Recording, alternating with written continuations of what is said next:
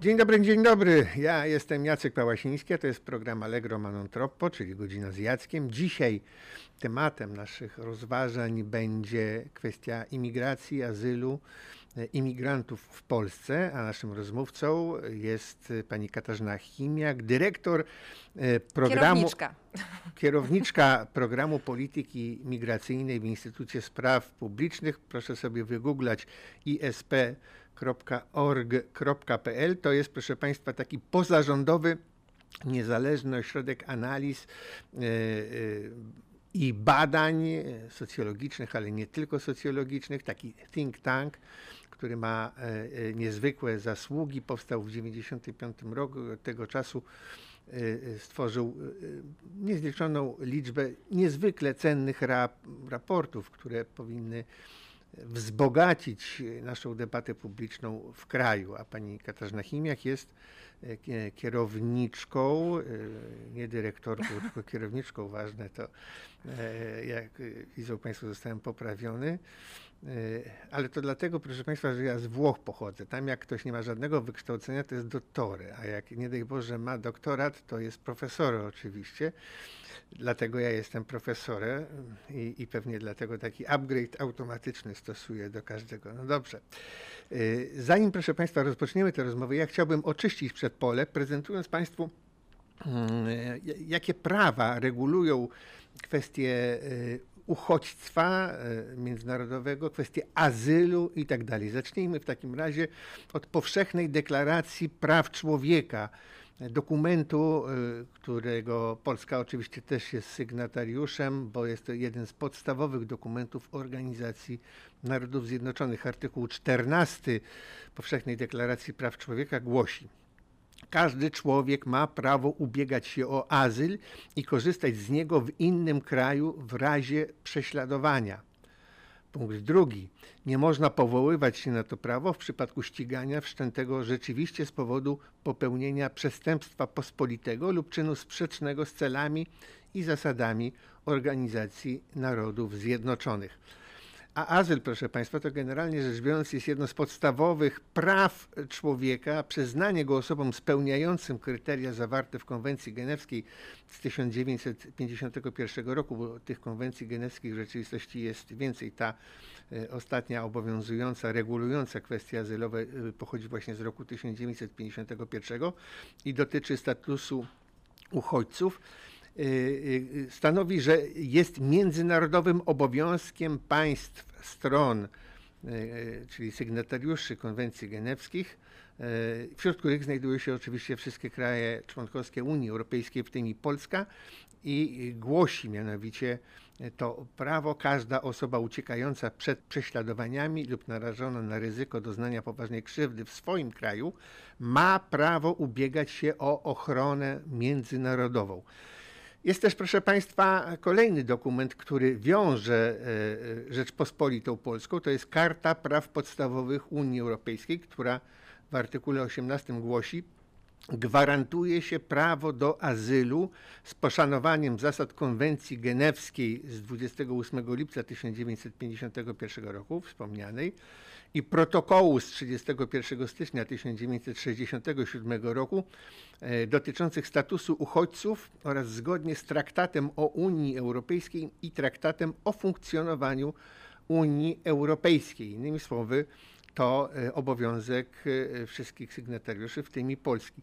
Konwencje genewskie, to ja przypomnę Państwu tylko, to jest taki szereg umów międzynarodowych z zakresu prawa międzynarodowego, wiążących oczywiście, dotyczących także pomocy humanitarnej, podpisanych oczywiście w Genewie, w Szwajcarii, jak sama nazwa mówi, będący częścią międzynarodowego prawa humanitarnego. Pierwsza z tych konwencji była rezultatem działalności i zabiegów politycznych założyciela Czerwonego Krzyża, Henri Dinanta, laureata pierwszej pokojowej Nagrody Nobla. Każdy, kto chciałby dowiedzieć się więcej na temat prawa azylowego obowiązującego w Unii Europejskiej, może przeczytać unijny podręcznik. E, e, widzą Państwo e, na Państwa ekranach zarówno link, jak i to, jak ten podręcznik wygląda. Nie jest to ani długie, ani trudne. Artykuł trzeci w tym podręczniku głosi, artykuł trzeci ustęp pierwszy rozporządzenia dublińskiego. Konwencja dublińska jest ostatnią z tych, które wszystkie kraje członkowskie przyjęły w kwestiach azylowych wymaga, by państwa członkowskie Unii Europejskiej rozpatrywały każdy wniosek o udzielenie ochrony międzynarodowej złożony przez obywatela państwa trzeciego lub bezpaństwowca oraz by taki wniosek był rozpatrzony przez jedno z państw członkowskich dorobek Unii Europejskiej w dziedzinie azylu ma zastosowanie dopiero od momentu, gdy dana osoba znajdzie się na granicy, w tym na wodach terytorialnych lub w strefach tranzytowych kraju członkowskiego Unii Europejskiej. Artykuł 6 ustęp 1 e, e, tego traktatu Lizboń, e, dublińskiego, przepraszam, zawiera wymóg, by państwa dokonały rejestracji wniosku azylowego w przeciągu trzech dni lub też sześciu, gdyby wniosek został złożony władzom innym niż te odpowiedzialne za jego rejestrację. Artykuł 6 e, ustęp 2 zobowiązuje państwa do zagwarantowania osobom możliwości złożenia wniosku w jak najszybszym terminie. I wreszcie, proszę Państwa, ostatni, proszę mi wybaczyć ten przedługi wstęp. Konstytucja Rzeczypospolitej Polskiej, artykuł 56 głosi: 1. Cudzoziemcy mogą korzystać z prawa azylu w Rzeczypospolitej Polskiej na zasadach określonych w ustawie. 2. Cudzoziemcowi, który w Rzeczypospolitej Polskiej poszukuje ochrony przed prześladowaniem, może być przyznany status uchodźcy zgodnie z wiążącymi Rzeczpospolitą Polską umowami międzynarodowymi, a zatem z konwencjami genewskimi, z y, traktatem y, dublińskim i z powszechną deklaracją praw człowieka. Hołk, amen.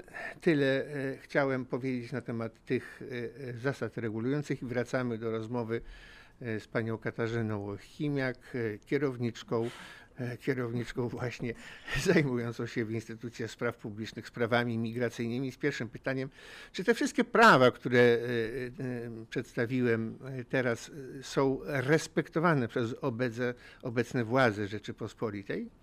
Dziękuję bardzo za zaproszenie i za precyzję w określeniu mojego stanowiska.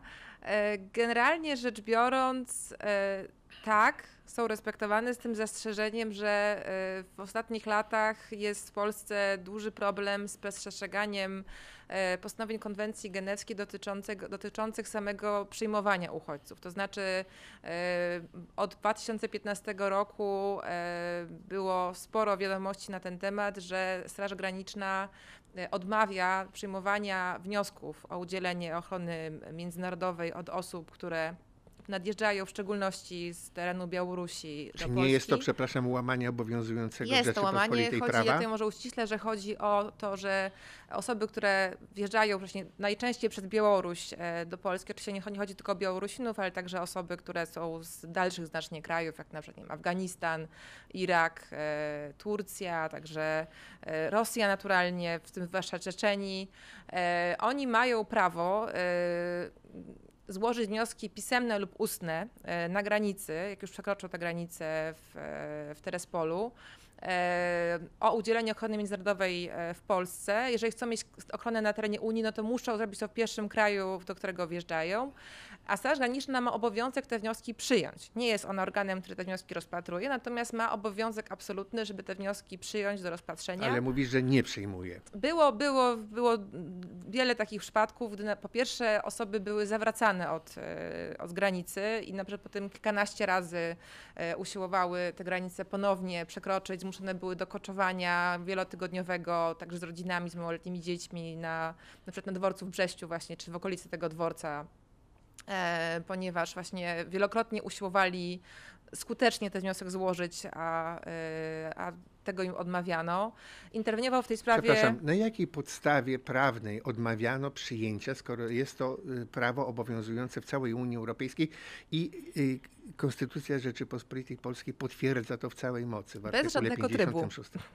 To Bez jest, trybu, to jest niestety, tak to wygląda. Straż Graniczna, mówię, powinna te wnioski przyjmować. No również mogą być ustne, A czy wiadomo, kto wydał Straży Granicznej rozkaz nie przyjmowania tych wniosków? Najprawdopodobniej była to ówczesna decyzja ówczesnego ministra, spraw wewnętrznych, który pamiętamy na przykład e, mówił, Jak że się nazywał? E, Mirosław Błaszczak, tak? To była w 2015 roku e, i 2016 e, było jego kilka wypowiedzi, które podważały w ogóle e, konieczność e, przyjmowania do Polski uchodźców, na przykład z Czeczenii, sugerując, że tam nie ma wojny, już obecnie sytuacja jest stabilna, nie ma, nie ma zagrożenia bezpośredniego dla tych osób, które Ale to można było żyją. ewentualnie rozważyć dopiero, kiedy taki wniosek został y, złożony i ewentualnie Jest- taki wniosek na jakiejś podstawie odrzucić. Ale nie dopuszczano do złożenia wniosku, Tak, znaczy co było taka- jaskrawym pogwałceniem prawa. Jest taka zasada y, nie, nie, nie odwracania od granicy tych osób, które przyjeżdżają i składają taką, taką, taką, taki wniosek.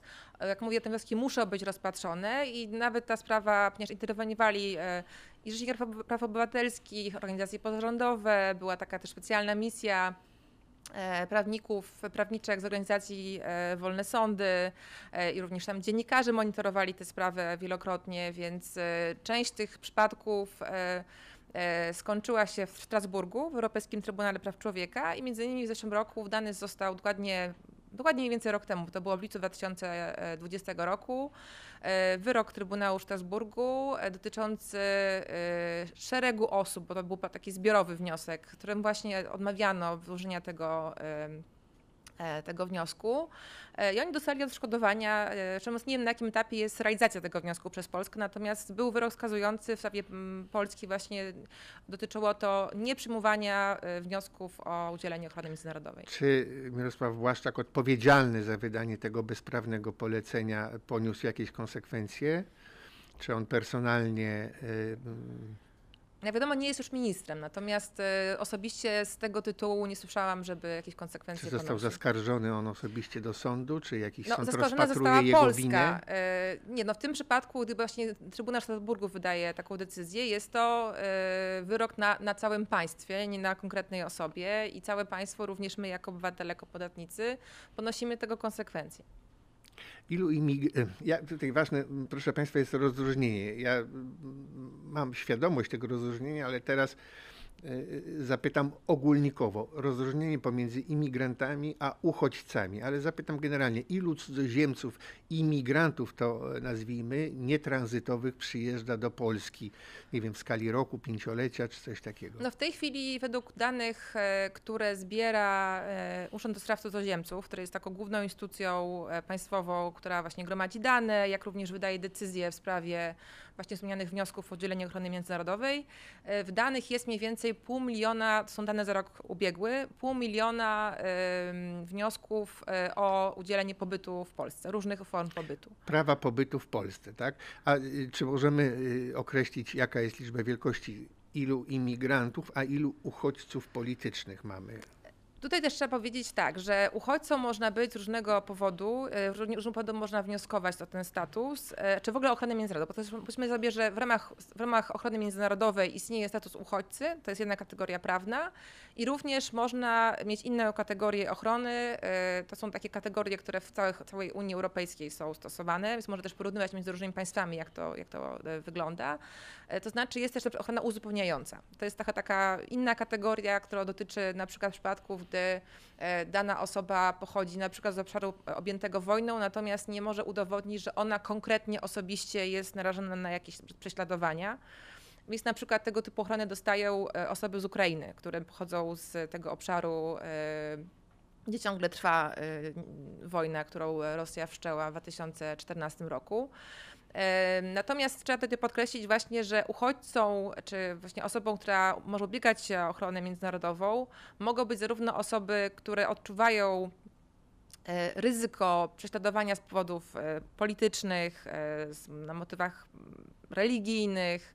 Na przykład w Rosji w tej chwili grupą, która narażona jest na takie prześladowania są świadkowie Jehowy.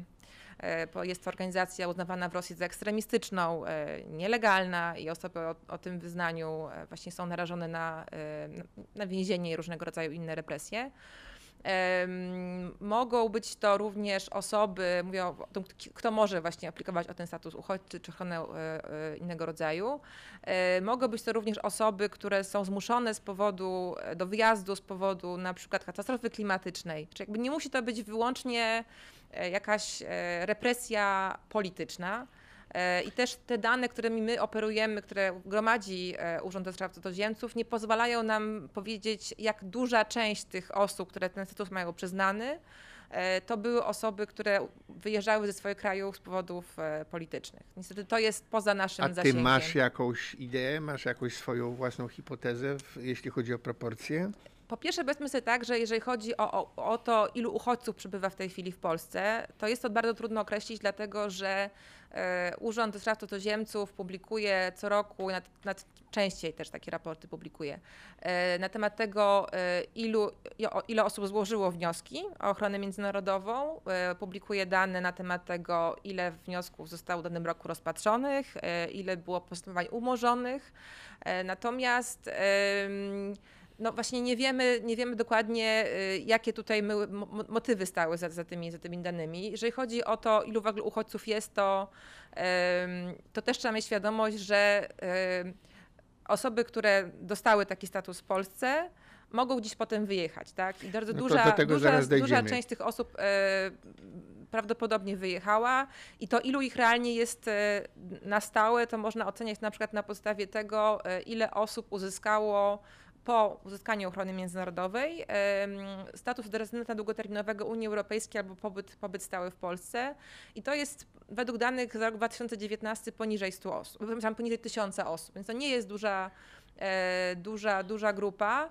E, no i właśnie wśród nich są osoby o różnych bardzo losach. E, ja podejrzewam, że akurat jeżeli chodzi o takich typowych uchodźców politycznych, na przykład z Rosji, bo na temat tego kraju wiem akurat najwięcej, no to raczej Polska nie jest krajem e, wymarzonym dla większości z tych osób, po prostu dlatego, że już w ostatnich latach w innych państwach, także nam e, bliskie jak Łotwa czy Litwa, utworzyły się takie większe skupiska migrantów e, i również uchodźców e, z tego, z tego państwa. E, powstały tam różne redakcje uchodźcze, nazwijmy to, mediów działających na Rosję. Powstały różne instytucje, wokół których takie osoby mogą się skupiać, a także po prostu niektórzy wybierają życie w krajach bardziej na zachód od Polski, jak nie Niemcy czy Francja, Wielka Brytania, gdzie z kolei mają na przykład generalnie szansę na wyższy komfort życia, biorąc pod uwagę ogólny poziom życia w tych krajach, e, a także mogą brać pod uwagę to, że tam mają bliższy dostęp do e, najbardziej wpływowych polityków unijnych, jeżeli chcą prowadzić jakąś działalność lobbyingową, na przykład na rzecz właśnie jakichś e, czy to, czy to osób prześladowanych w Rosji, czy to w jakichś działań wobec państwa rosyjskiego, sankcji i tak czy możemy podać liczby, jak wiele wniosków o azyl polityczny wpływa do władz polskich, a jak wiele z nich jest pozytywnie rozpatrzonych? Tu też właśnie mówię, nie ma czegoś takiego jak wniosek azyl polityczny, tylko to są wnioski o nadanie Dobrze. ochrony międzynarodowej yy, i w tym może być status uchodźcy. Yy, w zeszłym roku na przykład było to poniżej 3000 wniosków. E, przy czym e, było ich mniej niż w latach ubiegłych ze względu na pandemię koronawirusa, która oczywiście tutaj bardzo globalnie utrudniła wszystkim e, przemieszczanie się. W poprzednich latach było tak pomiędzy 3 do 12 tysięcy. Liczba wniosków rozpatrzonych pozytywnie to jest reguły tak około 10%. Więc to nie jest duża, duża liczba, ale też trzeba mieć świadomość, że tutaj każdy wniosek rozpatrywany jest bardzo indywidualnie i niekoniecznie ta duża liczba odmów świadczy o jakiejś złej postawie, nieprzyjaznej urzędników, którzy te wnioski rozpatrują, tylko też wynika to czasami z tego, że bardzo wiele osób, które te wnioski, składają, nie mają tak naprawdę orientacji, jaką, jaką, jaką, kategorię, e, jaką kategorię mogą wnioskować, co się im rzeczywiście najbardziej opłaca, na co mają szansę i, i po prostu dużo takich wniosków jest rozpatrywanych, dlatego też e, negatywnie. A czy widywałaś takie wnioski, jak ludzie przeważnie uzasadniają swoje prośby o ochronę międzynarodową?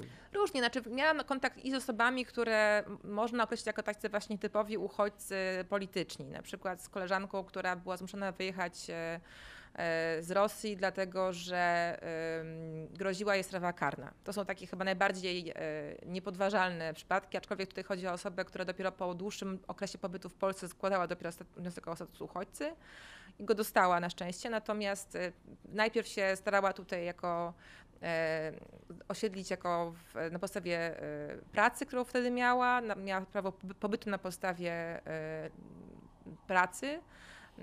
No i dopiero potem, po zmianach różnych życiowych, uznała, że złoży wniosek o status uchodźcy i go otrzymała właśnie jako osoba, która prowadziła działalność, którą na pewno władze Rosji interpretują jako wrogą politycznie, nie wiem, podważającą stabilność ustroju, czy jak to się tam E, nazywa. Jak również właśnie znam przypadki osób, które e, z Ukrainy, jak wspomniałam, które z rodzinami wyjeżdżały w, z Krymu czy, czy z Donbasu w 14 czy 15 roku, gdy trwały tam bardzo intensywne działania zbrojne. E, I nie można o nich powiedzieć, że to byli jacyś aktywni działacze, indywidualnie prześladowani przez, przez tamtejsze nie chcę powiedzieć władzy, bo to wiadomo, że to nie są w, te republiki donbaskie, to nie są, nie są suwerenne państwa. No w każdym razie nie groziły indywidualne prześladowania ze względu na ich konkretną działalność osobistą, tylko po prostu byli zagrożeni działaniami zbrojnymi w związku z tym, że e, no po prostu cały czas są, trwają ostrzeliwania e, również obiektów cywilnych, e, sytuacja humanitarna pozostawia wiele do życzenia i, no i to było podstawą dla nich, żeby żeby starać się o ochronę, ochronę w Polsce. Jeśli uchodźca już zostanie wpuszczony do Polski, to co się z nim e, e, dalej dzieje? Gdzie mieszka? Z czego żyje? E, może po pierwsze mieszkać w ośrodku dla uchodźców. Takich ośrodków w Polsce jest kilka, między innymi w Warszawie jest taki ośrodek na Targówku, który jest ośrodkiem specjalnie utworzonym dla kobiet z dziećmi, co jest o tyle istotne, że też często kobiety są ofiarami gwałtów, na przykład te, które wyjeżdżają, tak? I dla nich to bardziej komfortowe przebywanie w, wśród innych kobiet. E, te ośrodki pozwalają na to, żeby te osoby mogły też się swobodnie przemieszczać. E, mają oprócz zapewnionego e, zakwaterowania również te osoby niewielkie bardzo doświadczenia pieniężne. Wyżywienie w tych Wyżywienie, ośrodkach jest gwarantowane. Tak, mają tak? również kursy językowe. E, w okresie trwania tej, tej procedury rozpatrywania wniosku trzeba powiedzieć, że to trwa z reguły ponad rok, e, bo to jest długi, długi proces, pomimo tego, że powinno trwać to 6 miesięcy, no ale najczęściej trwa to, e, chodzi o pierwszą instancję dopiero, to trwa to grubo ponad rok. Mogą również przebywać poza ośrodkiem i również wtedy mają prawo do świadczenia pieniężnego, do opieki medycznej, do udziału w kursach językowych. No i tak, i można jakoś sobie wtedy radzić chyba bardziej na własną rękę. Niektórym się udaje też uzyskać wsparcie organizacji pozarządowych, które wspierają osoby w takiej sytuacji na przykład uzyskują możliwość mieszkania. W, Jakie to organizacje pozarządowe? E, na przykład Stowarzyszenie Interwencji Prawnej, e, Fundacja Ocalenie, Fundacja Chińska Praw Człowieka. Akurat nasza organizacja nie zajmuje się bezpośrednio wspieraniem e, uchodźców czy, czy osób podobnej, w podobnej sytuacji, tylko analizowaniem tego, co się, co się dzieje, również no przede wszystkim analizowaniem działań również państwa. Również na potrzebach innych organizacji tak. pozarządowych. E, e, jakie są warunki bytowe w takich ośrodkach dla uchodźców? No na przykład jeżeli chodzi o te ośrodki e, na targówku, to one są, no, przypominają takie hotele robotnicze, tak można chyba najczęściej, najogólnie określić. Nie jest na szczęście, nie ma tego problemu w naszej, naszym, naszej sytuacji, że nie są one przeludnione, bo nie ma tam zbyt dużo osób. Taki problem często spotyka się w Ludzie wolą przebywać poza ośrodkami, czy jest im tutaj wygodnie być w ośrodkach? powiedzieć, bo to pewnie zależy bardzo od indywidualnej, indywidualnej sytuacji. Niektórzy, właśnie jak mówię, z, e, na sytuację rodzinną, e, cała rodzina, która wyjeżdża z, z dziećmi, to pewnie wolą mieć jakieś własne, jeżeli ma taką w ogóle możliwość, bo to też nie jest takie, takie łatwe. E, mają jakiś, jakiś własny kąt, a inni z kolei pewnie czują się bezpieczniej w ośrodku. Rozumiem. Ym, kilka lat temu czytaliśmy y, różne wstrząsające w miarę reportaże z kilku, czy z jednego, czy z dwóch, nie pamiętam już w tej chwili, ośrodków dla uchodźców, że dochodziło tam do gwałtów, do poniżania, do przemocy. Y, Czy coś takiego zostało już zlikwidowane, czy w dalszym ciągu w ośrodkach cudzoziemiec musi się liczyć z jakąś formą przynajmniej poniżenia, jeśli nie przemocy, albo psychicznie, Tutaj albo też trzeba powiedzieć, że są dwie kategorie tych ośrodków. To znaczy są takie ośrodki otwarte, które właśnie pozwalają na to, że tam osoby w nich mieszkające mogą przebywać, ale mogą też wyjść poza ośrodek, e, na przykład nie wiem, na zakupy, mogą sobie zwiedzać miasto, coś załatwiać. W każdym razie mogą wyjść i potem wrócić. E, Na szczęście też nie, nie, nie- każdy ma prawa wstępu z kolei. One są chronione w ten sposób, że żeby móc tam wejść, nie będąc osobą zakwaterowaną, no to trzeba mieć specjalną zgodę e, nadzorujących to, to organów. E, Natomiast są też ośrodki strzeżone, w których również są areszty. I te ośrodki strzeżone, one są trochę dla innej kategorii osób. Najczęściej są to osoby, które em, są w procedurze deportacji. To znaczy na przykład właśnie wyjechały z, z Polski, e, złożywszy wcześniej wniosek o ochronę, wyjechały dalej do, dajmy to, do Niemiec. E, Potem Niemcy ich e, w, em, Nie przyjęły, przy jakiejś okazji zawróciły tak, do Polski. zorientowały się, że, że oni złożyli już wcześniej wniosek w Polsce, w związku z tym nie mogą składać go ponownie w Niemczech. No i zwrócili, go, zwrócili ich do Polski i potem e, jest procedura, co z tym człowiekiem robić dalej. E, jeżeli wobec takiej osoby są wątpliwości, e, czy ona może być zwrócona do swojego kraju, czy nie, no to ten wniosek jest rozpatrywany i I, I jeżeli właśnie istnieje z punktu widzenia państwa e, ryzyko, że ta osoba, która powinna być deportowana, e, gdzieś jeszcze dalej wyjedzie, no to wtedy się umieszczają w takim ośrodku strzeżonym. Ale tam również trzeba powiedzieć, e, bywają kobiety, również- rodziny z małymi dziećmi. To nie jest tak, że tam trafiają wyłącznie osoby na przykład, nie wiem, których podejrzewa się o terroryzm. Bynajmniej nie. I też e, e, na przykład w tym roku również Rzecznik Praw Obywatelskich e, opublikował taki raport, w którym informowano o tym, że e, w tych ośrodkach również umieszczane są osoby po doświadczeniu tortur.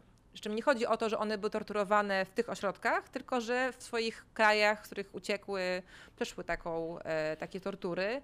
I zgodnie z międzynarodowymi e, przepisami, rekomendacjami, tego rodzaju osoby nie powinny być umieszczone w ośrodkach strzeżonych, bo dla nich to jest dodatkowa tortura. One powinny mieć dostęp do pomocy psychologicznej, e, no i grani nie być w zamknięciu. A niestety w Polsce to się, to się, to się czasami dzieje. Mm. Czy wiadomo, ile pieniędzy państwo polskie przeznacza na y, ochronę, na utrzymanie, na obsługę, generalnie rzecz biorąc, tych uchodźców, jak mówisz, poniżej tysiąca w ciągu ostatniego roku? Ja nie podam całej takiej kwoty globalnej, natomiast e, trzeba mieć świadomość, że po pierwsze osoby, które są tak zwane w procedurze, to znaczy, które, które są w, e, czekają na rozpatrzenie ich wniosku e, o udzielenie ochrony międzynarodowej, można szacować, że w zeszłym roku to było około 5 tysięcy osób, biorąc pod uwagę to, że według danych tych państwowych to mniej więcej tyle osób otrzymywało wsparcie medyczne właśnie z tytułu swojego statusu, ale są to osoby, które były dopiero w, w oczekiwaniu na rozpatrzenie ich, ich wniosków. E, No, te osoby mogą, mogą mieć e, wsparcie e, finansowe, bardzo nieduże naprawdę, bo to jest około kilkaset złotych na osobę na miesiąc. Też różne Ale organizacje kilkaset w sensie 200, czy kilkaset w sensie 900? bliżej 500, tak? Natomiast są to pieniądze poniżej też takich zasiłków, które dostają zwykle osoby w Polsce z tytułu właśnie bardzo złej sytuacji materialnej. I też, też w tej sprawie alarmują Komisja Europejska, organizacje pozarządowe. E, Potem na z kolei, jak już osoba dostanie status e, uchodźcy czy ochronę uzupełniającą, każdy ma się ochronę międzynarodową, e, to uczestniczy w tak zwanym indywidualnym programie e, integracji, e, który trwa przez rok. I też w ramach tego programu uzyskuje świadczenia e, pieniężne, również niewysokie, to są, no, obecnie to są około do 1300 zł miesięcznie, to nie są pieniądze, które pozwalają na samodzielne, swobodne życie w, w dużym mieście, z pewnością. Również mają w ramach tego programu zapewnione e, kursy językowe, wsparcie mm, osób, które pomagają im w znalezieniu pracy, e, w, jeżeli jest to konieczne, bo jeżeli są małoletnie dzieci, w znalezieniu e, szkoły, również e, szkoły zatrudniają specjalnych pomocników nauczycieli, którzy e, pomagają takim uczniom, e, którzy no, są w, jeszcze dopiero od niedawna w Polsce przykład mają problem z, jeszcze z nauką języka. Również szkoły organizują takie specjalne e, kursy przed rozpoczęciem właściwej nauki, właśnie takie jakby adaptacyjne dla, dla tych osób, więc jakby trzeba różne te różne te elementy uwzględnić, tak, w, oceniając e, ile to jest, ale biorąc pod uwagę, że po pierwsze osób, e, które składają wnioski w Polsce nie jest bardzo dużo, jak również, że te świadczenia są niskie e, i że potem osób ze statusem uchodźcy, którzy w Polsce są e, w, no, w tym programie indywidualnym integracji też nie jest dużo, no to to są na pewno nie, nie, nie, nie, nie- duże kwoty. Podejrzewam, po, uważam, że powinny być na pewno wyższe, e, dlatego że jeżeli mówimy o tym, że potrzebujemy efektywnej integracji, to znaczy takiej, która umożliwia temu człowiekowi e, swobodne poruszanie się w społeczeństwie i akceptację przez społeczeństwo. Tutaj kluczowa jest oczywiście kwestia e, nauki języka. No to ważne jest na przykład zapewnienie tej osobie e, dostępu właśnie do kursu językowego na wysokim poziomie. Niestety często te kursy są e, tak organizowane, że e, robią je wolontariusze, mm, którzy mają wielki zapał i wielką empatię, ale niekoniecznie są do tego szkoleni profesjonalnie. Są to zajęcia mało intensywne i mało motywujące do, e, mm, do nauki. Ważne jest oczywiście też, żeby te osoby, bo to jest w ogóle kwestia kluczowa, miały dostęp do, e, do mieszkań. Więc chodzi o to, żeby te mieszkania w ogóle były dostępne. Tak? W Polsce mamy w ogóle problem z mieszkaniami oczywiście na socjalnymi, e, na, na wynajem. E, Na pewno te świadczenia pieniężne, jak powiedziałam, e, które mają przez, przez okres roku osoby już ze statusem przyznanym, e, są bardzo niskie i też uważam, że powinny być wyższe. A też trzeba powiedzieć, że oczywiście jest tak, że dużo osób, które dostają ten status, potem wyjeżdżają z Polski. Otóż to jaki to jest procent? To jest procent duży, nie da się dokładnie powiedzieć jak, jak wielu, natomiast no, na pewno jest to większość. To Dlaczego możemy, wyjeżdżają? Prawdopodobnie dlatego, że y, część z tych osób y, to są y, mm, członkowie, członkinie społeczności, które mają już jakieś swoje diaspory gdzieś za granicą i po prostu wolą być wśród tych diaspor. Nie- zawsze tak jest, że to jest dla nich ważne, bo bywają też przypadki, gdy odwrotnie właśnie od tych diaspor się ucieka, tak? Dobrze, a powiedz, jak wypada, znaczy innymi słowy, jak wypadamy na tle innych krajów Unii Europejskiej, w tym krajów ościennych, jak polskie instytucje traktują tych ludzi w porównaniu z innymi, e, czy te sumy, które oni tutaj e, pobierają, znaczy, czy generalnie procedura startu, łącznie właśnie z kieszonkowym, e, jest porównywalna z procedurami, które mają miejsce w innych To ja krajach tylko może, unijnych? tylko, tylko może dokończę kwestię tych, tych wyjazdów, bo to jest dosyć istotne, że No tak, że, że dużo osób rzeczywiście wyjeżdża z różnych powodów, także może dlatego, że no Polska nie jest krajem, gdzie łatwo się y, zintegrować y, mm, osobom o innej kulturze, dlatego że jest dosyć homogeniczna. Często łatwiej jest w krajach bardziej, bardziej wielokulturowych. Y, I też w ogóle nie ma takiej opinii kraju bardzo otwartego niestety. Poza tym e, część tych osób spodziewa się wyższych świadczeń e, w państwach, państwach zachodnich i to może być też dla nich e, istotny, istotny argument. Jeżeli chodzi o pewne standardy e, tego, co państwo zapewnia na etapie starania się o ochronę międzynarodową, jak również tym, na tym pierwszym etapie po uzyskaniu, no to są to standardy podobne we wszystkich krajach unijnych. E, Wysokość świadczeń, akurat nie wiem, że w tej chwili, czy ona jest jakoś radykalnie większa w innych państwach, natomiast to no, nigdy nie są jakieś, jakieś wysokie e, środki, więc e, na pewno mitem jest to, że e, osoby, które uciekają ze swoich e, krajów, e, robią to głównie po to, żeby uzyskać jakieś kokosy finansowe, bo, tak po prostu nie jest. Dokładnie tak. Jak byś oceniła sposób właśnie traktowania cudzoziemców przez sąsiadów, przez przechodniów, przez sklepikarzy i tak dalej? Czy przypadki nietolerancji wobec takich ludzi, wobec cudzoziemców Mhm. generalnie w Polsce są częstsze niż, niż za granicą, niż w krajach zachodnich powiedzmy? To też mi trudno, trudno powiedzieć, bo ja bym nie chciała tutaj, e, myślę, że na to pytanie może powiedzieć bardziej e, obiektywnie i autorytatywnie osoba, która się e, sama bezpośrednio z czymś takim styka jako, jako cudzoziemiec. E, natomiast na pewno od 2015 roku, odkąd po pierwsze zaczęła się w mediach taka bardzo burzliwa e, nazwijmy to debatą, chociaż to tak naprawdę nie była debata, tylko taka no... Poczekaj, dojdziemy do tak. tego, dojdziemy, ale znaczy y, odpowiedz mi w miarę konkretnie na to tak. pytanie, czy u nas cudzoziemiec jest traktowany równie dobrze jak w krajach zachodu? zwłaszcza cudzoziemiec y, o innej religii, o innym kolorze są, skóry. Też są różne przypadki, natomiast na pewno y, stykam się z tym, że różne osoby, na przykład będące muzułmanami, mówią mi o tym, że czują się w Polsce dyskryminowane, e, ponieważ czują takie y, nieprzychylny stosunek do muzułmanów, e, mm, nieufność, e, no ale to w innych krajach o większości chrześcijańskiej też ma miejsce. Też, ale na przykład Nawet nas... w krajach o dużych mniejszościach tak. muzułmańskich. Jakby tutaj jak trudno to porównywać, czy... natomiast e, e, rzeczywiście w Polsce przede wszystkim myślę problemem jest to, że się w ogóle mało mówi o tym, że są inne osoby o innym pochodzeniu w Polsce e, i, i samo to już e, powoduje, że jak ktoś się ujawnia z tym, że jest pod jakimś względem inny, to powoduje to często reakcje mm, niezrozumienia związane po prostu z no, brakiem wiedzy podstawowej, z, e, z, brakiem orientacji, czego taka osoba może oczekiwać.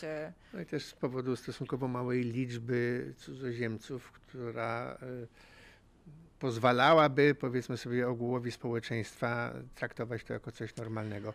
Ja teraz, jeśli pozwolisz, zaproszę Państwa do posłuchania rozmowy z rodziną, która uzyskała ochronę międzynarodową w Polsce, uzyskała prawo pobytu. Jak to było, dlaczego wyjechali, skąd się tutaj wzięli i jak planują ułożyć sobie życie w Polsce.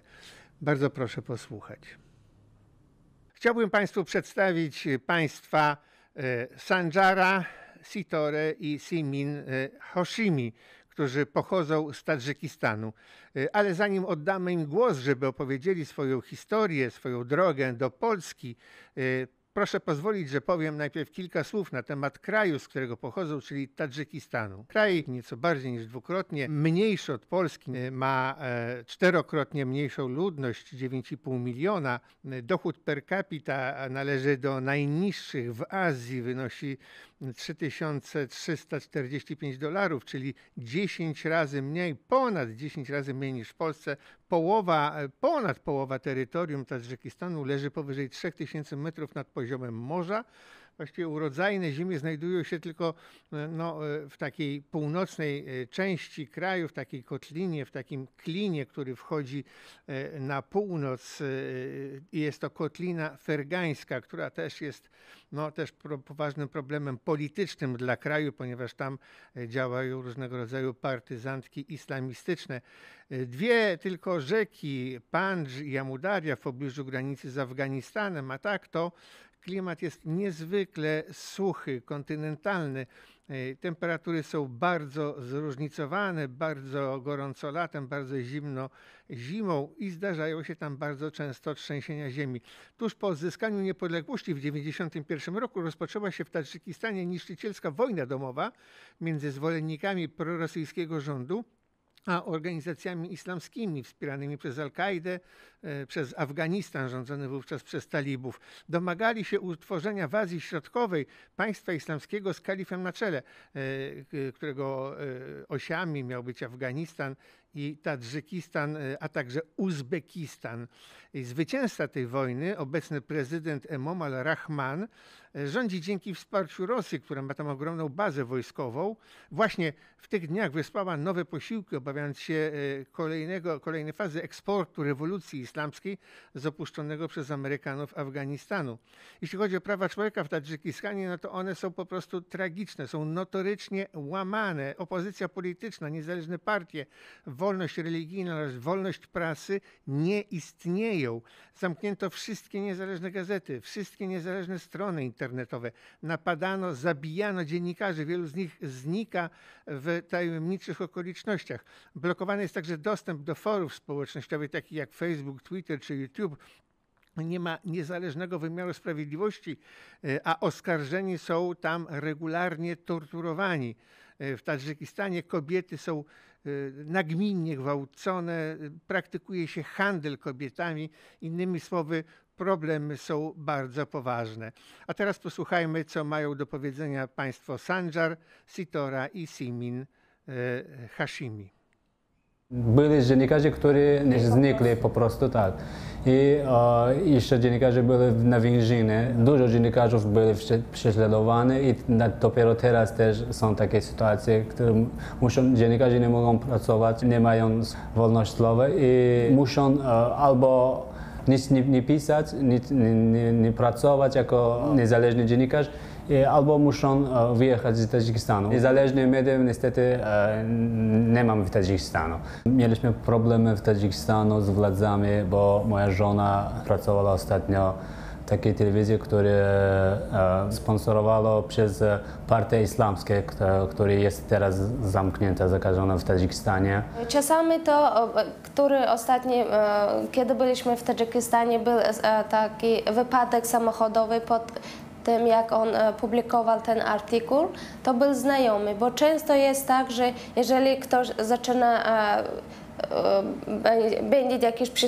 prześladowanie albo zaproszenie do przesłuchania, on daje znać wszystkim tam dziennikarzom, że mam taki problem, żeby jakieś szukać wsparcia. Jeden dziennikarz, pamiętam, że jeden dziennikarz pisał o pa- o, o takiej płatnej drogi, który to był e, związany z rodziną prezydentem i napisał o tym i znikał. E, Nikt nie wie, gdzie on teraz i dopiero nie ma wiadomości, wiadomości o tym, że coś się stało z nim.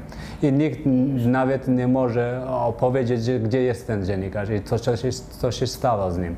Niestety ostatnie 5 lat e, tak się stało, że wszyscy dobrzy dziennikarze albo poszli do więzienia, albo uciekali z Tadżykistanu. I Niestety po ślubu mieliśmy dużo problemów, problemów z władzą i kilka razy byliśmy tam e, na wywiad. E, Na przesłuchanie. na przesłuchanie, tak. Potem musieliśmy e, jakoś zdecydować, że wyjdziemy z Tadżykistanu, uciekamy, bo... A co by wam groziło, gdybyście zostali? Tak, tak. Sitoro, Co by wam groziło, gdybyście zostali? Bo wtedy ja byłam w ciąży. Grozili, że e, kiedy ja urodzę e, w szpitalu, po porodzie od razu zabierają i ja nigdy nie będę widzieć, e, żywa, żyje czy nie. Po prostu zabierają i ja nigdy nie mogę dostać swoje dziecko. Nie, wiedzieliśmy, co będzie dalej, a tylko musieliśmy wziąć pieniądze jak, z jakichś znajomych i na kredyt i a, uciekać z Tadżykistanu. Wcześniej wiedzieliśmy, dokąd jedziemy, do naj, największych dziennikarzów, albo do Turcji, albo do, do Europy. Czasami A, do czasami Stanów, tak. ale jest ciężko dostać. A potem my też e, zdecydowaliśmy, będziemy e, kupić bilet do Mińsku i tam może stamtąd do Zbrzeży Stad, może by spróbujemy wyjechać, e, pojechać do, do Europy, ale nie wiedzieliśmy, że, czy będziemy w, Pols w Polsce zostać albo dalej będziemy jechać, bo to było zależy od sytuacji, jak będzie. Jak e, uciekaliśmy z Tadżykistanu, to było e, w marz, marzec, chyba, tak, marzec. I potem o, przyjechaliśmy do, na, za dwa dni przyjechaliśmy do Brzesta i mm, pierwszy raz jak spróbowaliśmy, to było, myśleliśmy jed, na jeden dzień uda nam się ubiegać e, o, ochronę międzynarodową albo jako uchodźca, o status uchodźca w Polsce. E, Bo jak tam przyjechaliśmy na Brzeście, tam byli różni różni z różnych krajów, różnych e, takie e, cudzoziemcy i oni z Czeczni, z, z Gruzji. I tam jak porozmawialiśmy z nimi, oni powiedzieli, że z Polski można spróbować, jeżeli oni da, dadzą tutaj jakiś e, mm, status uchodźcy, można Zostać tam tu. zostać. I jak spróbowaliśmy pierwszy dzień, drugi dzień, trzeci dzień, tak poszło, że już 25 dni tam byliśmy, tam na Brzesce. I Mieszkaliśmy e, w Hostel. hostele. Najpierw e, na pierwszy dzień e, nie wiedzieliśmy gdzie, gdzie i bardzo drogi, na, bardzo drogi hotel był na e, ten stac, na dworzec e, Brzeszcze i tam i potem znaleźliśmy taki e, za, za ta, najtańszy hostel i tam też był niedaleko od dworca i tam mieszkaliśmy 25 dni. Kiedy zostaliśmy deportowani w Białorusi, u mnie zaczynała się jakaś ataka. I nadal, e, kiedy pierwsze, tygo, pierwsze dwa tygodnie były taki e, e, ciężki, trudny czas, bo byłam w ciąży i nie wiedziałam, e, co z moim dzieckiem. Nie mogliśmy zrobić tam USG, tam nie było takiej możliwości. Oni pomyśleli, że jestem, w, e, e, to jakaś moja rola, żeby tak, że przypuścić do Polski. Ja martwiłam o tym, że coś będzie z moim dzieckiem, a oni powiedzieli, że jesteś bardzo dobrą aktorką.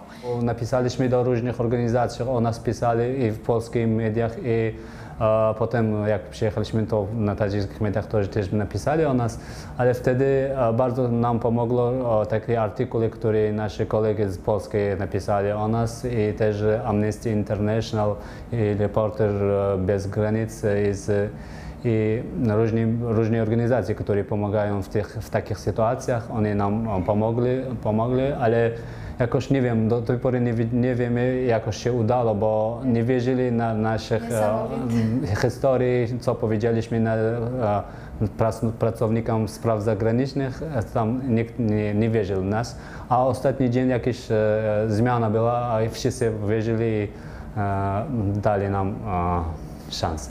Przyszła prawniczka, jakoś zaczynał ten proces, jak złożyć wnioski, żeby dostać statut. I e, zaczyn, e, z, zaczęłam po prostu e, trzymać, razem trzymać, żeby dać dobre życie dla swojego dziecka.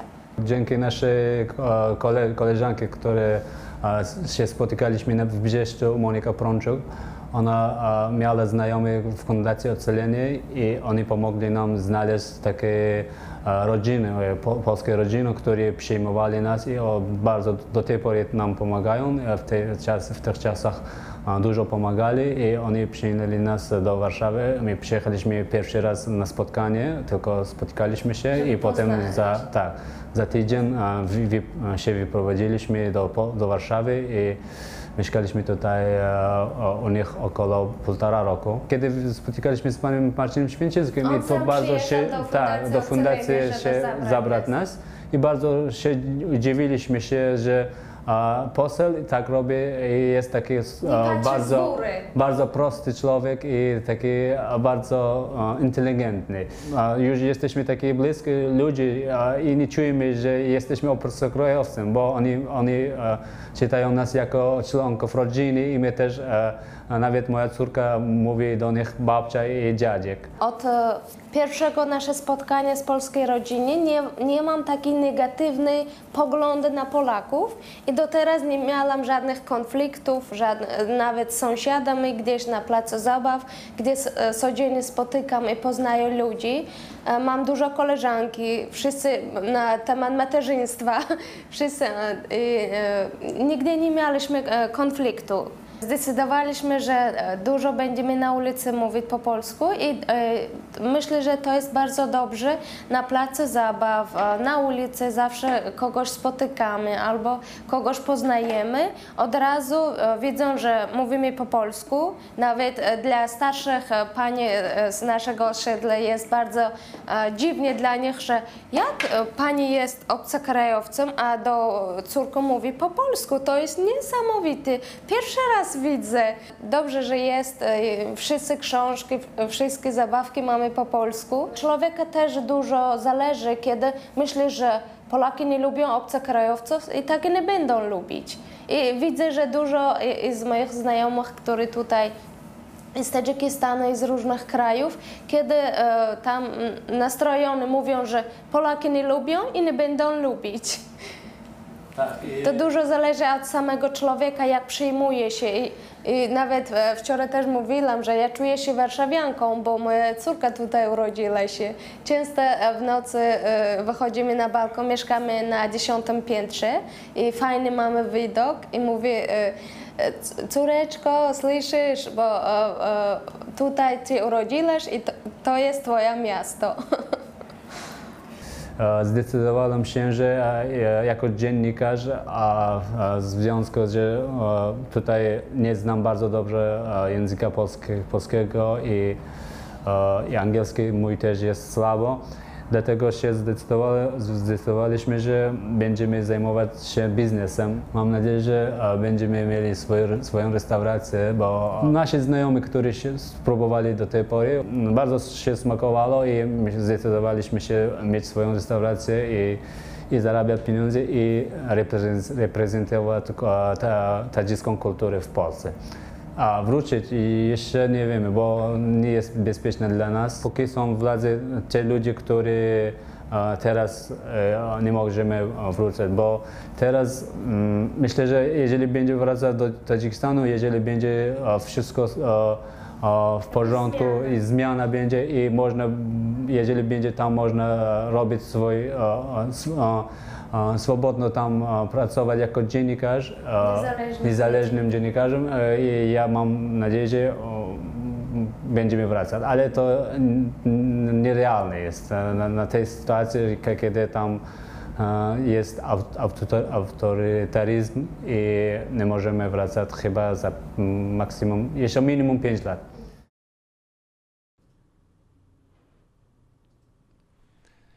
O właśnie, tak to było, proszę Państwa. Teraz wracamy do rozmowy e, z panią Katarzyną Chimiak. E, No właśnie, e, napomknęliśmy przed rozmową, że no cóż, najważniejsi przedstawiciele tej siły politycznej, która obecnie rządzi Polską, e, stosują, odkąd doszli do władzy, niezwykle wrogą, niezwykle agresywną retorykę e, w stosunku do cudzoziemców, zwłaszcza w tym uchodźców politycznych, e, wojennych, w tym chrześcijan, jak na przykład z Syrii. E, Do tej kampanii nie raz, nie dwa włączał się e, też energicznie i też agresywnie e, Kościół katolicki, mimo niezliczonych po prostu apeli papieża Franciszka, by e, uchodźcom e, pomagać.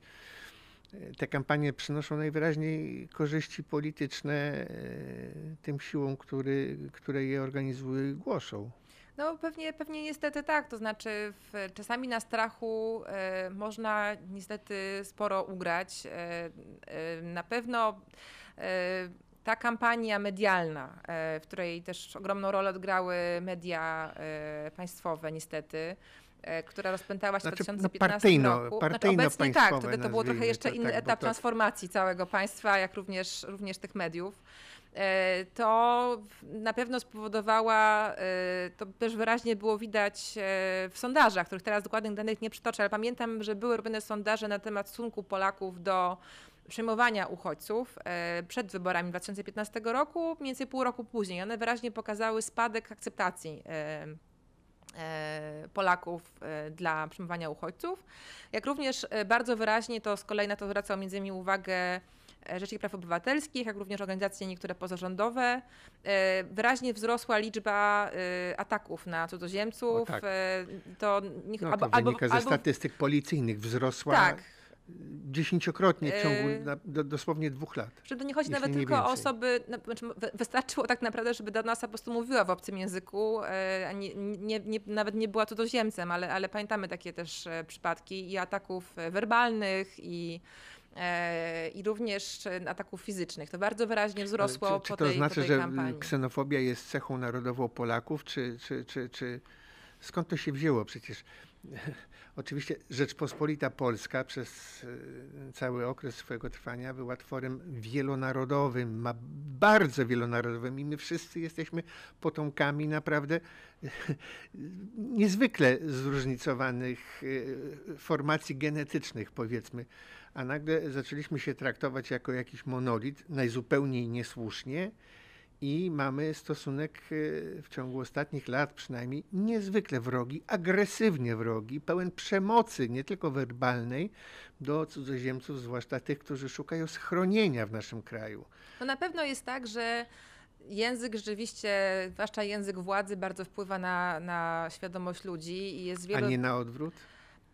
E, to znaczy?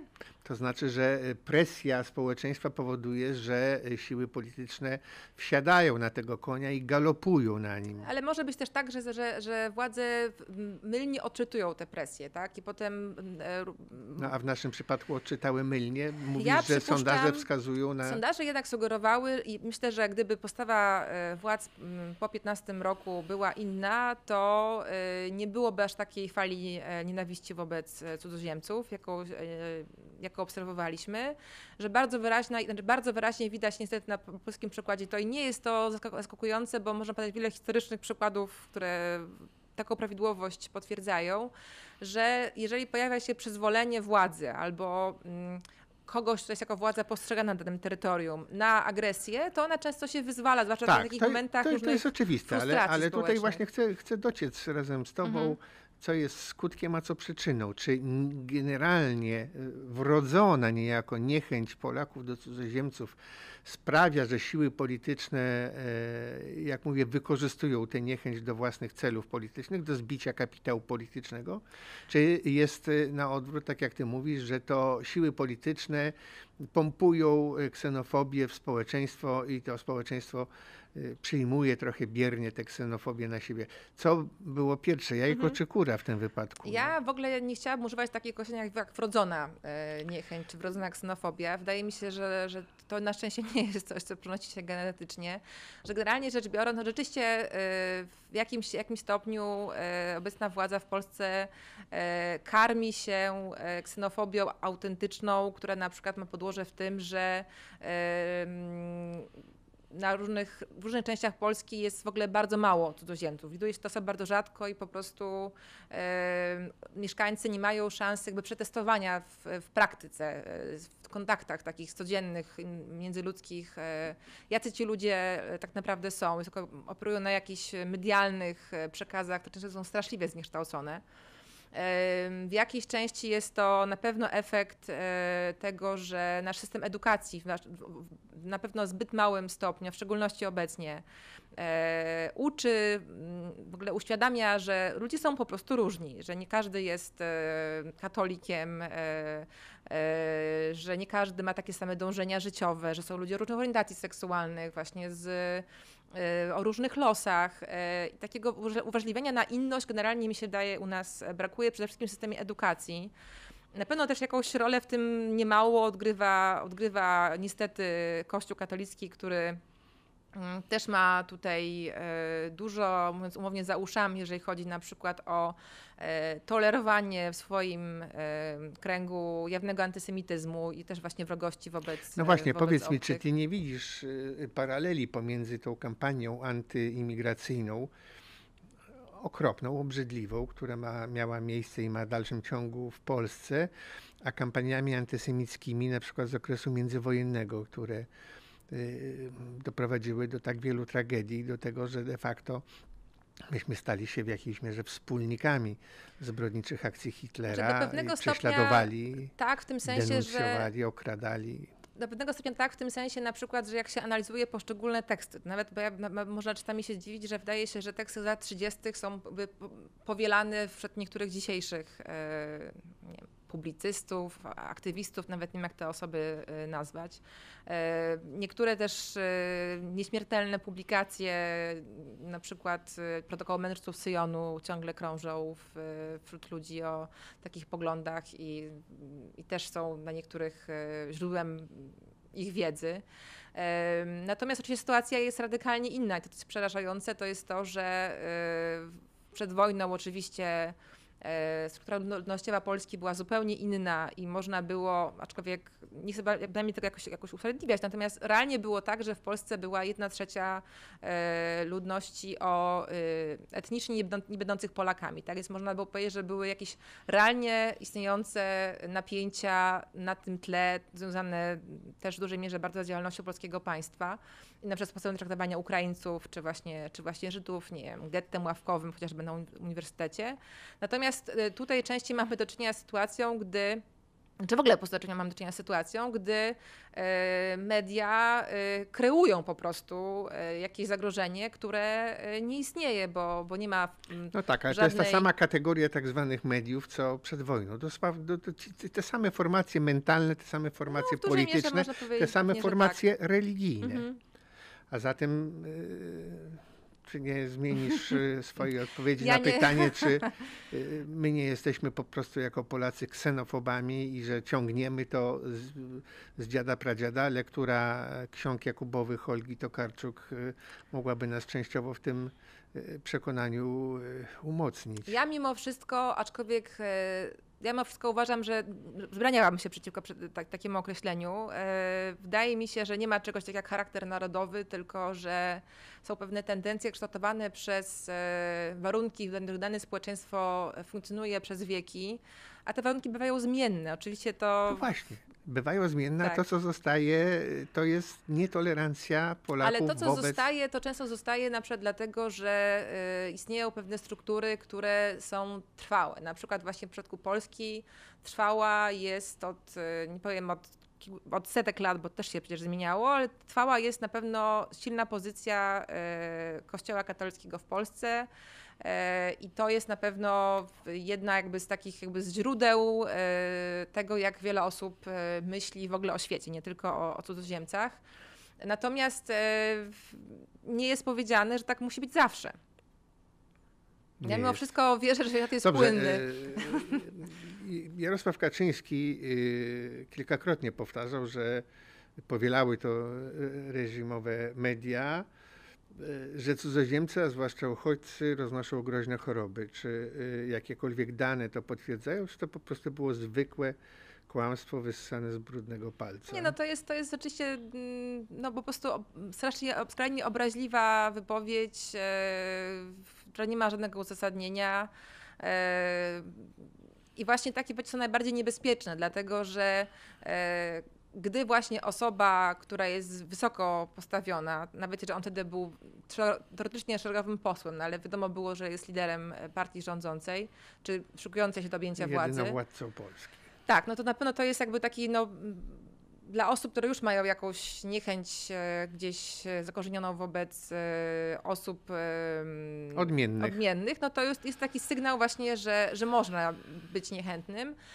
I dlatego też również bardzo niebezpieczne jest, jak nie ma reakcji zdecydowanej po różnego rodzaju incydentach właśnie przeciwko cudzoziemcom, bo to było też problemem w Polsce nie tylko te wypowiedzi radykalne, krzywdzące, ale także to, że po wielu e, takich atakach nie było jednoznacznego oświadczenia e, prezydenta, premiera, w niektórych były, ale najczęściej nie było, które by potępiały takie zjawiska, tak? bo to jest bardzo ważne, żeby ten jednak państwo pewne standardy starało się kształtować. Dobrze, ale nie mamy żadnego świadectwa, że jaki, jakiś uchodźca przywlókł do Polski jakieś groźne choroby, tak jak mówił Jarosław Kaczyński? Szczerze mówiąc, o niczym tam, jak takim nie słyszałam. To jest nas dwoje co najmniej. Dobrze, to zmieńmy trochę e, profil tej e, rozmowy, raczej temat. No bo z jednej strony mamy tę bardzo groźną retorykę e, antyimigracyjną, z drugiej strony w Warszawie i innych miastach widzimy dziesiątki, setki, a być może nawet tysiące e, ludzi, e, głównie z Azji, zwłaszcza Bangladesz, zwłaszcza wschód Pakistanu, mniej z Afryki, którzy pracują no, w miarę masowo jako kurierzy, dowożący pizzę do domów y, i tak dalej. Y, skąd się w Polsce biorą ludzie z Bangladeszu? Czy rząd jakoś otworzył furtkę dla dla tych tysięcy ludzi po to właśnie, żebyśmy mogli pizzę zjeść w domu, a nie w restauracji. To jest Nie pewien paradoks, bo rzeczywiście jest tak, że w ostatnich latach Polska wydała bardzo dużo zezwoleń na, na przyjazd osób, w szczególności z tamtej części, części świata. Pomimo tej takiej retoryki e, realnie nieprzyjaznej migracji, albo w ogóle unikania tematu, no to rzeczywiście dużo osób stamtąd, nie wiem, z Pakistanu, właśnie z, z Indii e, przyjechało. E, I to jest temat, na którym, którym my się chcemy zająć jako Instytut Spraw Publicznych w najbliższym czasie, żeby też dokładnie to przeanalizować. Jeszcze jesteśmy w trakcie przygotowania takiego projektu. To znaczy Czy chcemy wiadomo zobaczyć cokolwiek dokładnie... o tych ludziach, bo ja miałem Mhm. studentów z Bangladeszu, którzy po studiach dorabiali w ten właśnie sposób, żeby móc tutaj się utrzymać. I to byli ludzie niezwykle świetnie wykształceni, niezwykle wrażliwi, ciekawi świata. No najlepsi moi studenci, co tu dużo mówić. No. A widać było, że przychodzą już zwierzęco zmęczeni i po, po, po całonocnej niemal charówce. Mówię, to, to jest właśnie coś, co chcemy na pewno zbadać. To znaczy, po pierwsze, to y, na jakiej podstawie oni tu przyjeżdżają. Domyślamy się, że są to w większości krótkoterminowe wizy, że potem oni, mm, przynajmniej część tych osób, y, dosyć szybko z Polski wyjeżdża. E, Chcemy zbadać to, jak traktują y, ich firmy, które ich zatrudniają, a także jaką, jakie wsparcie oni otrzymują przede wszystkim od samorządów w miastach, w których przebywają, więc jakby... No właśnie, w innych krajach toczyły się batalie o to, by uznać ich prawo, po prostu uznać Mhm. ich za osoby zatrudnione, pracujące, by przyznano im prawa pracownicze i wszystkie wynikające z tego e, przywileje. Czy w Polsce coś takiego w ogóle, jakaś debata w tej sprawie jest, czy oni po prostu są tymi niewidzialnymi ludźmi, którzy pukają do naszych drzwi? Znaczy, jeżeli oni mają e, prawo e, pobytu czasowego, mają legalny pobyt, no to mają oczywiście prawa wynikające z tego tytułu, tak? Dobrze, czy jakaś organizacja to wszystko e, organizuje, e, dlatego że, no nie wiem, oni mają przeważnie rozlatujące się skutery, bądź też czasami rowery, też nie pierwszej nowości i ktoś musiał zorganizować import tysięcy takich skuterów, które zatruwają powietrze na ulicach naszych miast. E, innymi słowy, czy za tym nie kryje się jakaś mafia po prostu, którą my tolerujemy jako, my, znaczy polskie władze? Naprawdę niestety na razie tutaj nie, na to pytanie nie odpowiem, ponieważ dopiero jesteśmy na etapie ba, właśnie badania, jak to, jak to z tymi ludźmi jest. E, Dochodzi do, dochodzi do nie tylko w przypadku tej grupy e, migrantów, migrantek, ale również w przypadku przed Ukraińców, Do, do za chwilę takich skandalicznych się, tak. przypadków, no to dowiadujemy się czasami o tym z jakichś raportów Państwowej Inspekcji Pracy na przykład. E, W każdym razie, jeżeli są to pracownicy legalnie zat- zatrudnieni, no to oni mają prawo do, y, do pewnej ochrony, y, więc są też, podlegają też... Teoretycznie mają prawo do pewnej ochrony, No bo tak. w rzeczywistości to może jakaś organizacja pozarządowa, ale my nawet Mhm. nie mamy rozeznania, ilu tych ludzi jest, czy mamy. Na razie, w- szczerze Nie mamy. dokładnie nie mamy. Nie. No właśnie, yy, gdzie mieszkają, yy, co jedzą, czy udaje im się odłożyć parę groszy, żeby wy- wysłać rodzinom, które głodują, których warunki życia są, są, są straszne i tak dalej, i tak. Yy, I nie widziałem na stronach Urzędu do Spraw Cudzoziemców ani na żadnych innych stronach żadnej informacji na temat tej małej armii ludzi, dzięki której, jak mówię, no, przeważnie jemy w naszych mieszkaniach różnego rodzaju pyszne PL, e, Uber i tak dalej, i tak dalej, Uber Eat. E, No, a, a, a to jest y, no, cała armia ludzi. To Znaczy, rzeczywiście jest tak, że w ostatnich latach zrobiło się y, ich wyraźnie więcej i są po prostu zauważalni też y, bardziej na ulicach polskich miast. W ogóle tak naprawdę chyba w tej chwili stanowią taką najbardziej widoczną grupę y, migrantów, migrantek, ponieważ no, często się wyróżniają trochę No tak, ciemniejszym kolorem skóry chociażby. Jak mówię, na pewno chcemy to zbadać. To oczywiście nie jest takie łatwe, no bo No, nie spodziewamy się, my żeby... ich widzimy, a to jest mimo wszystko niewidzialna armia, dlatego że nic o nich nie wiemy. Tak, no. bo to nie, czy nie jest to ujęte, w, można, w, można na dowiadywać się, ilu ko- konkretnie obywatelom Pakistanu e, wydano zezwolenie na, na pobyt w ostatnich latach. To oczywiście jest do zbadania, to, to jest e, uchwytne w statystykach. E, Natomiast w takich ogólnych statystykach no na ogół tego, tego nie widać. Też nie, nie wiadomo, jakie, oni, jakie są ich realne warunki tutaj zakwaterowania. e, Dobrze, a czy potrafisz odpowiedzieć na pytanie, dlaczego nie przyjęliśmy y, dziesiątek, jeśli nie setek tysięcy chrześcijan z Syrii, a przejmujemy dość radykalnych muzułmanów z Bangladeszu, nie mając nic przeciwko radykalnym muzułmanom z Bangladeszu. Znaczy, skąd ta, e, skąd ta paranoja, skąd ta dychotomia, mówiąc najdelikatniej, że Syryjczyków nie, a e, Bengalów tak. Czy ja bym tutaj nie chciała być rzeczniczką opisu, bo trochę się źle czuję w tej roli, ani, ani rządu ówczesnej premier Beaty. Szydło. No. Być może, ale nie aplikuję w każdym razie. Mhm. Natomiast e, jeżeli chodzi o wojnę w Syrii, no to pamiętamy, że wówczas e, świeżo upieczony rząd PiSu się mm, posługiwał taką retoryką, że będziemy pomagali na miejscu. To znaczy, że Tak. nie chcemy się zgodzić na to ani na relokację uchodźców, ani na to, żeby nowe osoby do nas e, przyjeżdżały, tylko będziemy, tutaj między innymi właśnie specjalnie powołana minister Beata Kempa miała się tym zajmować, będziemy tak. pomagać e, w tych krajach, w którym są otworzone gigantyczne Ja ośrodki wyliczyłem, przypadało około 14 groszy na y, uchodźcę, który mieszkał w jednym z y, obozów dla uchodźców syryjskich, Mhm. a to w Turcji, a to w Libanie. No tak, no i właśnie to była, 14 była to decyzja, decyzja polityczna e, rządu ówczesnego. E, I potem pani Kępa zawiozła co, ołówki, tornistry, co zawiozła? Coś Pamiętam zawiozła? szczerze mówiąc, ale było tak nieznaczące, że nawet e, w, nie wnikałam w to szczegółach. W każdym razie, no Ale rzeczywiście, to podobno nie dotarło również do potrzebujących, że to...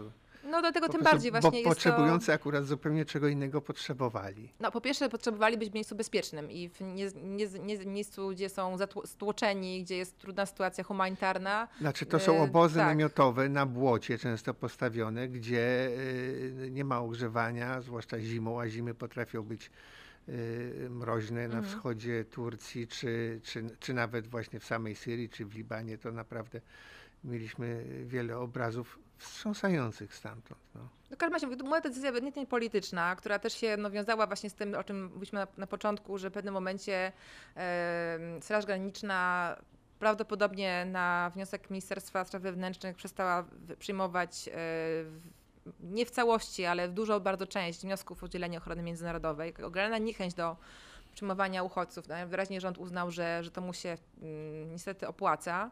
E, A, a równocześnie, chociaż mówię, o tym, o tym było cicho, o tym się rząd nie chwalił, e, postanowiono otworzyć rynek pracy w Polsce dla e, m, osób migrujących e, m, zarobkowo do Polski. I to trzeba powiedzieć właśnie, że A zarobkowi może są mniej groźni mniej kosztowni. znaczy, właśnie o to chodzi, że tutaj niestety w tej naszej dyskusji na temat, znaczy naszej, to znaczy ogólnopolskiej, nie mówię o naszej dzisiejszej rozmowie, o migracji bardzo często celowo są mieszane różne pojęcia, to znaczy migranci e, zarobkowi z, z uchodźcami. E, no, pamiętamy taką słynną wypowiedź Beaty Szydło, która w Parlamencie Europejskim mówiła, że mamy w Polsce milion uchodźców z Ukrainy. Ja to urosło, kochana. Potem było 2 miliony, a teraz już są 3 Tak, i miliony potem też te- uchodźców. też te- uchodźców Tak, potem też, te, potem też tę wypowiedź powtarzał, znaczy tę, tę tezę powtarzał między innymi minister Waszczykowski, spraw zagranicznych, ówczesny, inny, inni przedstawiciele rządu. E, mówiąc, Ten od San Escobar. e, tak, mówiąc ciągle właśnie o nich jako o uchodźcach, podczas, i to między innymi potem też e, mm, dementował ambasador Ukrainy w Polsce, wskazując na to, że no to nie są uchodźcy, tylko migranci, którzy przyjeżdżają do Polski w celu nie wiem, studiów, poprawienia swojej sytuacji materialnej, zarabiają tutaj pieniądze i płacą podatki, co jest najistotniejsze. No właśnie, powiedz mi, jaka jest sytuacja, znaczy Ukraińców w Polsce, ponieważ yy, może nie jest to e, 3 miliony, ale Mhm. rzeczywiście to jest całkiem spora e, armia ludzi, to prawdopodobnie jest około miliona, nawet, a nawet więcej. I Ci ludzie trzymają przy życiu polskie rolnictwo, co tu dużo ukrywać, znaczy jemy yy, śniadania, obiady, i kolacje w dużej mierze dzięki przybyszom z Ukrainy. Yy, Ci ludzie w dużej mierze, a w ogromnej mierze e, stanowią o tym, że powstają u nas domy, że ktoś je buduje. Polakom to się nie bardzo opłaca, zwłaszcza za te, e, za te pieniądze. I właściwie na wszystkich budowach słychać język ukraiński dość powszechnie. E, Co my wiemy na temat tych ludzi? Jakie oni dostają zezwolenia na tę pracę? Jaką ochronę od władz polskich otrzymują, wykonując tak niezwykle istotną pracę, wliczając w to opiekę nad e, naszymi dziadkami i rodzicami, wliczając w to opiekę nad chorymi, wliczając w to sprzątanie mieszkań i tak dalej, i tak. E, Ja bym tutaj powiedziała, że na pewno tych osób jest e, Znaczy, oni reprezentują bardzo różne grupy zawodowe. Prawdopodobnie rzeczywiście jest tak, że największą część stanowią osoby zatrudnione w, w rolnictwie i w sektorze budowlanym, ale są to, to również programiści, wykładowcy uczelni wyższych, dziennikarze, eksperci różnego rodzaju. Sama takich osób znam, znam dużo, właśnie z, będących między innymi e, wykładowcami i, i dziennikarzami. Em, Jest ich bardzo dużo rzeczywiście i tutaj możemy w, trochę wnioskować o liczbach na podstawie na przykład e, liczby abonentów telefonii komórkowych, e, więc na pewno jest to więcej niż, niż milion. E, Są to również studenci. W zależności od, od, od, y, od sytuacji, niektórzy mają pobyt stały, niektórzy mają pobyt naj, najczęściej e, czasowy. E, Jeżeli są zatrudnieni legalnie, to to jest najważniejsza, najważniejsza podstawa w ogóle ich tutaj funkcjonowania, bo to im daje prawo do, do ochrony takiej podstawowej, tak, do podstawowych świadczeń też e, w Polsce. Natomiast niestety zdarzały się w ostatnich latach przypadki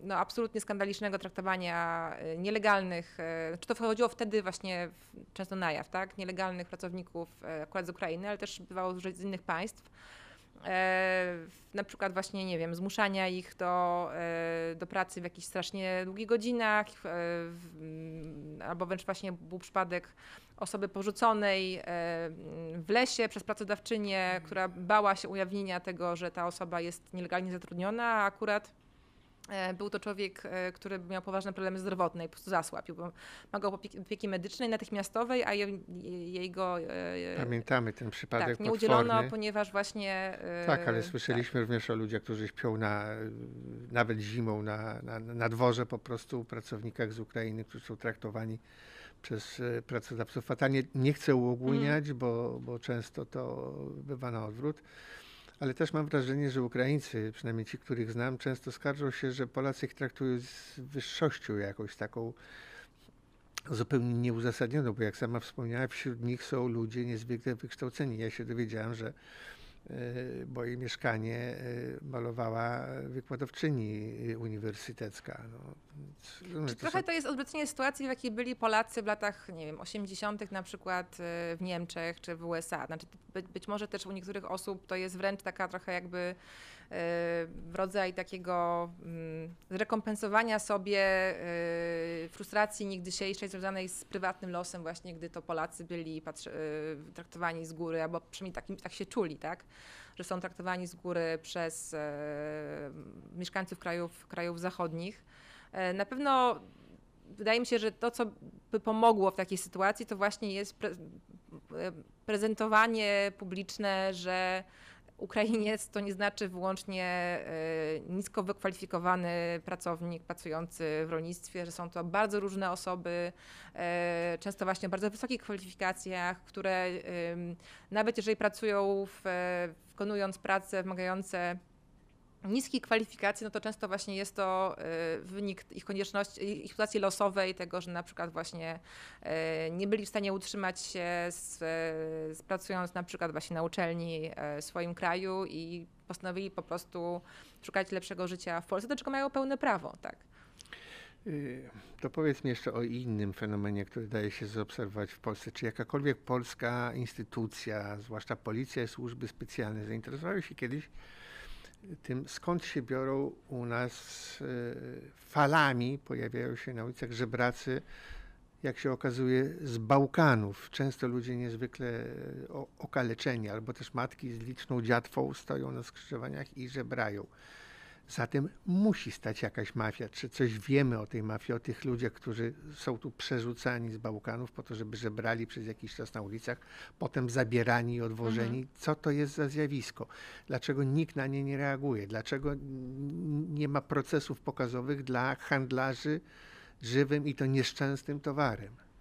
E, Szczerze mówiąc, na temat nie mam szczegółowej wiedzy. Na pewno jest to fenomen e, międzynarodowy, nie występujący wyłącznie, wyłącznie w Polsce i pewnie tutaj Tak. No, w byłoby innych krajach odkryto żeby... różnego rodzaju mafie, często kosowskie, często albańskie i z nimi walczono. A u nas to się pojawia, rzeczywiście są takie fale, kiedy właśnie ty, ci, tych żebraków na ulicach robi się wielu, potem znikają z dnia na dzień dosłownie, co sugeruje, że to jest dobrze zorganizowany proceder, proceder czy, czy, czy, ale, ale nie słyszałem, żeby nasze władze się tym kiedykolwiek zainteresowały. Też na ten temat nie słyszałam. Może to wynikać z tego, że te osoby są trudno uchwytne w tym sensie, że one przebywają w Polsce y, krótko, potem, potem wyjeżdżają, właśnie nie, nie są tutaj legalnie, więc są jakby oficjalnie nie, nie istnieją w żadnych e, statystykach. E, e, może też nie, policja uznaje taką, taką no, działalność za mało szkodliwą społecznie, nie wnika w to, kto spowodował, że jakaś kobieta na przykład właśnie mm, siedzi na ulicy i, i prosi o datki. E, Niestety nie umiem tutaj powiedzieć szczegółowo, jak to, jak to, jak to jest organizowane, ani, ani czy do władze waszego, tutaj to... do twojego instytutu nie dotarły żadne informacje na temat tego procederu. E, Za, mojej, za moich w tym bytności nie, znaczy nie, nie dostajemy na przykład skarg żadnych, to znaczy nie jesteśmy instytucją, która, która tutaj jest e, instytucją, do której by wpływały jakieś e, Oczywiście. skargi osób, które na przykład e, były ofiarami handlu ludźmi, bo też jest możliwe, że są po prostu właśnie ofiary będące... No właśnie, na polskich ulicach, w polskich lasach widać tak zwane nieszczęsne tirówki i jest ich sporo i to są cudzoziemki. Znowu za nimi stoi mafia jakichś potwornych przestępców. Czy ktoś kiedykolwiek, odkąd ten fenomen w Polsce się pojawił, śledził łotrów, którzy sprowadzają tu kobiety po to, żeby się prostytuowały y, na drogach i, i w lasach? Generalnie tak, znaczy cho- chodzi o właśnie o handel ludźmi, no to, Tak. to się o tym, o, tym, o tym słyszy. Nie wiem na ile to są, szczerze mówiąc, e, skuteczne śledztwa, ale to są też e, tematy, którym zajmują się już e, takie organizacje no, międzynarodowe, tak? Nie tylko, to, to wymaga właśnie współpracy ścisłej z partnerami naszymi, przede wszystkim z Unii Europejskiej. A współpracujemy w tej dziedzinie jakoś? Wiadomo coś Formalnie tak, współpracujemy. Formalnie Pytanie jak współpracujemy. długo, bo jak długo No będziemy... tak, ale nie znikają ani te, te, te, kobiety, ani ci żebracy No nie. nie. znikają w Nie, dalszym nie ciągu się znikają. pojawiają, w jakiś sposób przekraczają granice, nikt ich nie zauważa. To wszystko jest dość zdumiewające, dziwne i bardzo niepokojące i źle świadczące chyba o, o, o polskich władzach, które są tak nieczułe na ten fenomen. Na pewno jest to problem systemowy, który istnieje już od dłuższego czasu. Nie jest to akurat w tym przypadku e, mm, wyłącznie wina obecnych władz. Też nie mam danych, które pozwalałyby mi na to, żeby powiedzieć, że ten temat problem jakoś, jakoś się nasilił e, w ostatnich latach, czy to jest e, jakoś skuteczniej tępione, czy nie. Natomiast e, jest to problem systemowy, tak? bo te osoby jakoś, jakoś tutaj muszą wjechać. E, e, pewnie funkcjonują zupełnie poza systemem, to znaczy e, nie mają dostępu przede wszystkim do służby żadnej, do ochrony zdrowia, co jest tutaj największym problemem. Jeżeli coś im się stanie, to nie mają, nie mają pomocy. E, No nie mają we władzy Alfonsów, co tu Mm. dużo mówić, którzy nie słyną z łagodności, No no, tylko raczej z przemocy. Dobrze, to na koniec chciałem Cię zapytać o komentarz do tego, że Młodzież Wszechspo- Wszechpolska wywiesiła na jednym z polskich uniwersytetów transparent Uniwersytet Polski dla Polaków, a dzień później potwierdził to minister oświaty, pan, pan Czarnek, że to jest oczywiste, że przecież uniwersytety są dla Polaków, a nie dla jakichś cudzoziemców. Chciałbym Cię prosić o komentarz. No, minister Czarnek już dawno, zanim objął swoją funkcję, moim zdaniem udowodnił, że się absolutnie do niej nie nadaje, że jest e, no, ostatnią osobą, która powinna pełnić tą funkcję. Jest to głęboko niewychowawczy po prostu to, co on powiedział. E, Jest to skandaliczne i także idiotyczne po prostu też biorąc pod uwagę chociażby historię Polski, tak? Ilu, ilu Polaków studiowało za granicą, w, także dlatego, że po prostu musieli, bo na przykład e, w, za, w czasach zaborów e, uczelnie w Polsce na, przykład na wyborze rosyjskim przez pewien czas były w ogóle niedostępne. Więc na przykład wyjeżdżali, nie wiem, do, do Rosji, do, do Austrii, do, do Niemiec, e, czy jeszcze dalej, więc e, no po prostu jest to historycznie też jakieś absolutnie nie- niesprawiedliwe.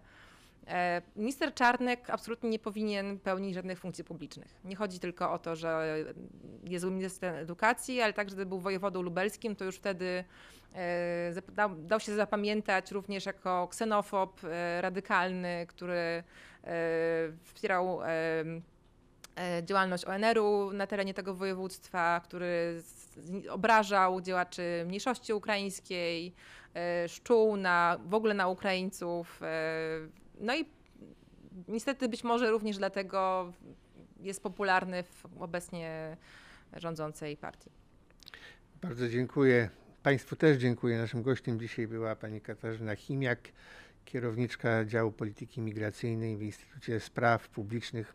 Myślę, że dowiedzieliśmy się całkiem sporo na temat zjawiska, które zawsze towarzyszyło Polakom, tylko że przeważnie w drugą stronę, to znaczy my byliśmy imigrantami e, i my być może będziemy znowu imigrantami i e, jak Kuba Bogu, tak Bóg Kubie, proszę Państwa. Jak Kuba Bogu, tak Bóg Kubie. Dziękuję bardzo serdecznie. Zapraszam Dziękuję. na kolejne odcinki programu Allegro Monotropo, czyli Godzina z Jackiem. Do zobaczenia.